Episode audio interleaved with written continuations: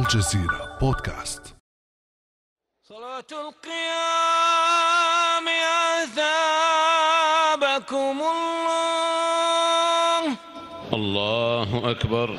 الحمد لله رب العالمين. الرحمن الرحيم. في دوائر تتسع مع ابتعادها عن المركز حيث يوجد الإمام يصطف عشرات الآلاف كل ليلة. للاستغراق في صلاة التراويح في المسجد الحرام وفي المسجد النبوي والقدس وفي الأزهر ومساجد الأحياء في كل قرية وبلدة. يقفون محيين ليل رمضان على قدم المساواة. فقيرهم وغنيهم المسؤول في الدولة والمواطن البسيط. لكنهم لن يفعلوها هذه الليالي فمع كل أذان يصدح المؤذن معلنا أن المساجد مغلقة بسبب وباء كورونا. داعيا الناس إلى البقاء في البيوت.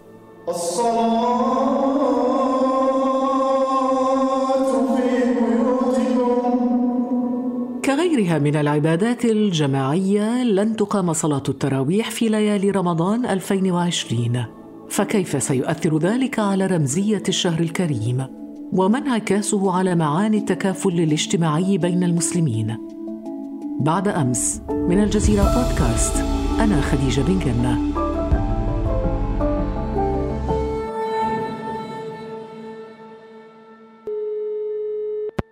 ضيفنا اليوم هو الدكتور عياد أبلال أستاذ الأنثروبولوجيا الدينية في الجامعة المغربية. دكتور أهلا وسهلا بك. عواشر مباركة كما تقولوا في المغرب. أهلا وسهلا بك. دكتور أبلال بداية كيف نفهم تأثير هذه العبادات الجماعية وبالتالي تأثير غيابها في رمزية هذا الشهر الكريم؟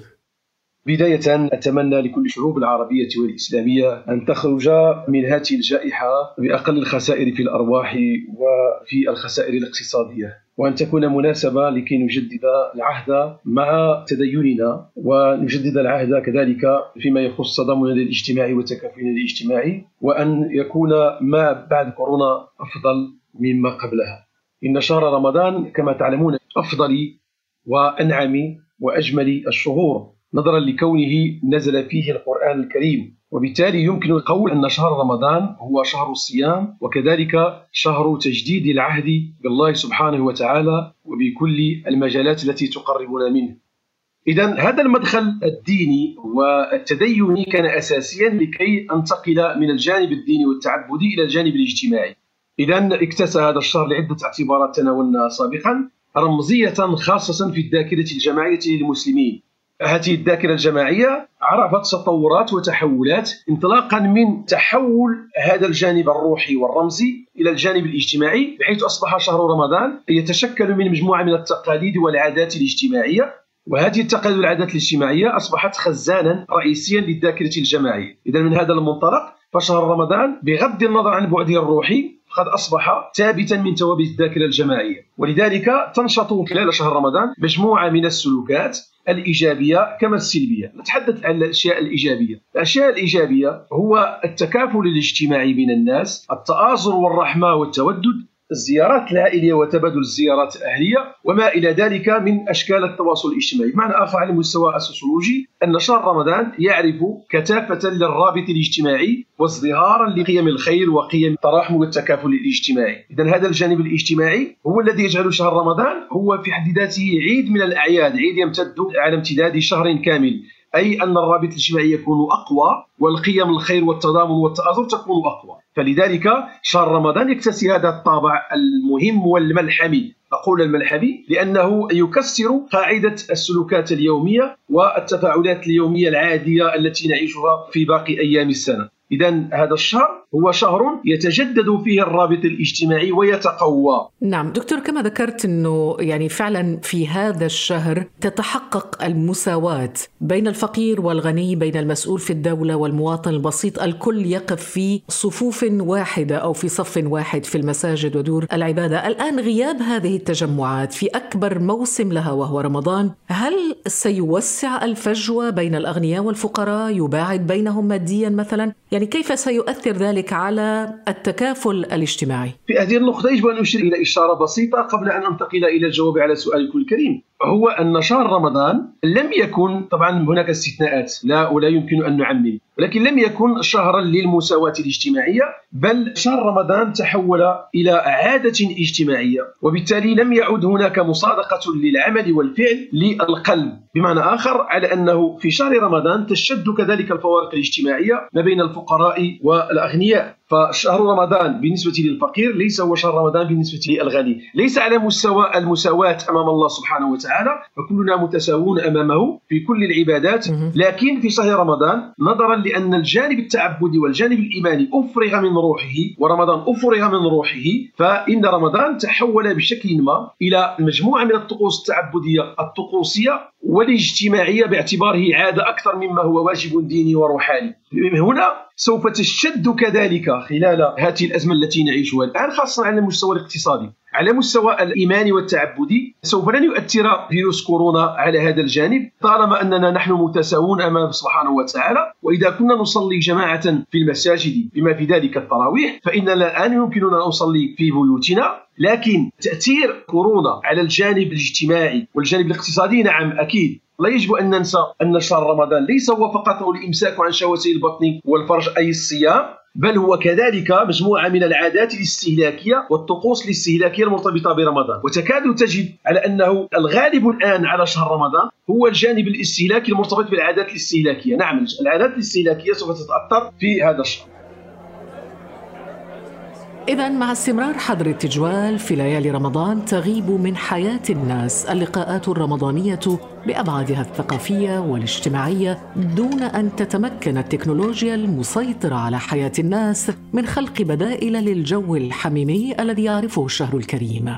ومع غياب هذه اللقاءات ستخف حمى الاستهلاك التي كانت تصاحب ظاهرة التلاقي الاجتماعي في شهر رمضان، ما يعطي وجها إيجابيا لهذا التباعد. دكتورة بلال يعني يفرض اليوم حظر التجوال القائم في كل الدول تقريبا يفرض غياب عادة اجتماعية قديمة هي التزاور العائلي كيف سيكون برأيك تأثير ذلك على التماسك الاجتماعي؟ أعتقد ربما يجب أن ننظر إلى المسألة بزاوية إيجابية وربطها بجوهر الدين الإسلامي وبجوهر الأديان كلها تقريبا فلذلك أعتقد بأنه بالرغم من تأثير الجائحة على الرابط الاجتماعي كما سبق وذكرت من خلال التأثير على الزيارات العائلية والأهلية والعلاقات الاجتماعية في المسجد وفي الشارع سواء أثناء الصيام أو بعد صلاة التراويح. لكن في هذا السياق يجب أن نشير إلى أنه الآن العالم الافتراضي وشبكات التواصل الاجتماعي والتقنيات التي وفرتها لنا الحواسب والهواتف سوف تمكن من تخفيف هذا العبء على الرابط الاجتماعي. فالكثير من الأسر خلال الحجر وخلال رمضان كذلك سوف تتواصل فيما بينها عن طريق خدمة الفيديو عن طريق خدمة الهاتف والواتساب وما إلى ذلك. بمعنى آخر أن العلاقات الاجتماعية لم تتوقف. بل حصلت فيها تحولات وتغييرات مرتبطة بفترة الحجر الصحي أي أن الرابط الاجتماعي لم يتأثر كثيرا وإن كان قد وجد له منحا آخر لكي يبقى مستمرا انطلاقا من خدمات التقنية التي توفرها الآن. اذا في هذا السياق من يتأثر؟ هو تلك الجلسات الحميمية على مائدة الإفطار مثلا موائد الإفطار الجماعية التي يقوم بها المحسنون وتقوم بها بعض الدول بالنسبة للسائلين والمحتاجين والمساكين. نعم هل في هذا الجانب سوف تتأثر. أما باقي العلاقات الاجتماعية الأهلية فأعتقد أنها سوف تظل مستمرة بالرغم من الحجر الذي يفرض عدم التجوال دكتور عياد بلال ربما انحباس الأسر داخل بيوتهم شققهم ولا ننسى أنه هناك أناس يسكنون في مساكن ضيقة عشوائيات بيوت قصديرية شقق صغيرة. هذا الانحباس لمدة شهر مع ما يفرضه الصوم من ضغوط نفسية. كيف يمكن أن يتجنب الناس هذه الضغوط النفسية للصوم في ظل الحجر المنزلي؟ شكرا على هذا السؤال مهم جدا لكن قبل أن أجيب على هذا السؤال ربما أرجع على سؤال أساسي جدا هو أنه الدين والتدين جانب من الجوانب ما نسميه في الأنثروبولوجي بتلطيف الألم أي أن الإنسان لا يمكن أن يعيش فقط بما هو مادي بل يجب أن يعيش كذلك في توازن ما بين المادي والروحي. وأعتقد بأن المدخل الديني مدخل مهم جدا لتحقيق التوازن السيكولوجي للإنسان. وبالرغم مما قيل عن ابتعاد الدين وربما تآكل رابطته وما إلى ذلك فإن الإنسان في كل دول العالم وعلى مر العصور لا يمكن أن يعيش بدون هذا الرابط الوازع الديني الوازع الديني ومدخل أساسي لتلطيف الألم. معروفة المسألة. نعم الوازع الديني موجود دكتور ولكن ممكن تجد في شقة واحدة أو في بيت واحد 15 فرد مثلا. نعم نعم. فهناك ضغط نفسي يولده الصوم داخل الحجر المنزلي. كيف ممكن تجنب هذا؟ نعم بكل تأكيد. حينما أقول أن الدين هو ملطف للألم فالدين يتأثر بما هو اقتصادي وما هو اجتماعي وما هو ثقافي. وهذه المحددات الأساسية لتعديل نسق الشخصية أي أنه لا يمكن الحديث عن الدين إلا بالحديث عن هذه الأنساق الثلاثة التي تكلمت عنها سابقا. لكن حينما يتضرر الجانب الاقتصادي والجانب الاجتماعي خاصة في أوساط الهشاشة الاجتماعية والفقر فإنها تنتج مجموعة من الظواهر من بين هذه الظواهر هو ظاهرة العنف الأسري التي اشتدت في أيام الحظر وسوف تشتد كذلك في رمضان. وهذا قد سبق لي وأن تناولت في العديد من الدراسات والمقالات حول ظاهرة التنظينة بروز ظاهرة العنف خلال شهر رمضان. بكل تأكيد فظاهرة التنظينة مرتبطة بشكل أساسي بما نسميه بالإخفاق الاجتماعي والاقتصادي. أي حينما تكون هناك حاجة وهناك فقر وهناك ظروف اجتماعية قاهرة تؤثر بشكل كبير جدا على المعطى السيكولوجي للإنسان الصائم وللمتدين عموما مما يفرز مجموعة من الظواهر الانحرافية، هذه الظواهر نجدها في الجريمة، نجدها كذلك في العنف الأسري، وما دون ان نتحدث عن العنف الأسري فيمكن القول بأن هذه الظاهره ستشد خلال شهر رمضان. لماذا؟ لأن امتداد جائحة كورونا على المستوى الاقتصادي والاجتماعي أصبحت بادية أكثر وسوف تشد أكثر مما يجعل الضغوطات الاجتماعية أقوى وأكثر. وهو ما سوف يفرز مجموعة من الحالات المرتبطة بالعنف الأسري. أعتقد على أنها سوف تكون مناسبة كذلك إذا جاز لنا أن يكون تدينا روحانيا خالصا هو أن نلجأ إلى التكافل الاجتماعي انطلاقا من تخفيف عبء الجائحة على هذه الأسر ذات الهشاشة الاجتماعية. وتخفيف الحاجة عليهم انطلاقا من مساعدتهم وانطلاقا كذلك من تقوية الرابط الاجتماعي. اذا تخفيف الحاجة وتخفيف الضيق المالي عن هذه الأسر سوف يقلل بشكل كبير جدا من ضغوطاتهم النفسية وكلما خفت هذه الضغوطات النفسية كلما خفت ظاهرة العنف الأسري. دكتور أنت أشرت إلى كيفية استثمار وسائل التكنولوجيا في تعزيز الجوانب الروحانية في هذا الشهر الفضيل، هذا بالضبط ما فعله الشيخ عاطف التليلي وهو أحد المشايخ التونسيين لنستمع إليه. وأخرجنا من هذه الجائحة سالمين، اللهم إليك المشتكى وإليك المنتهى وإليك المنزع والرجاء، جنب المسلمين في كل مكان هذا البلاء. إذا الشيخ عاطف التليلي الذي استمعنا إليه الآن في دعاء ختم القرآن هو واحد من مجموعة مشايخ تونسيين حولوا وسائل التواصل الاجتماعي إلى فضاء لممارسة الأعمال الدعوية والإرشادية التي كانوا يمارسونها في الجوامع في نموذج فرضته الإجراءات الاحترازية خوفا من انتشار وباء كورونا. دكتور أبلال إذا هل يمكن أن تكون هناك بدائل للتجمعات التي كان يشهدها شهر رمضان الكريم عادة؟ بكل تأكيد من يقوم بصلاة التراويح والصلوات الخمس كلها ممكن أن يصليها في البيت جماعة مع أهله وذويه وكذلك يمكن أن نستفيد من خدمة شبكات التواصل الاجتماعي ومن التقنية بشكل عام انطلاقا من عرض مثلا صلاة التراويح عن طريق البث المباشر انطلاقا من لايف أي أن يؤم الإمام التراويح بمفرده ولكن أن يكون هناك بث مباشر ويمكن في هذا السياق أن نوظف هذه التقنية. طيب دكتور أبلال كيف يمكن أن نستغل هذا الشهر لنخلصه مما علق به من ممارسات سلبية تحولت إلى عادات اجتماعية بغلاف ديني؟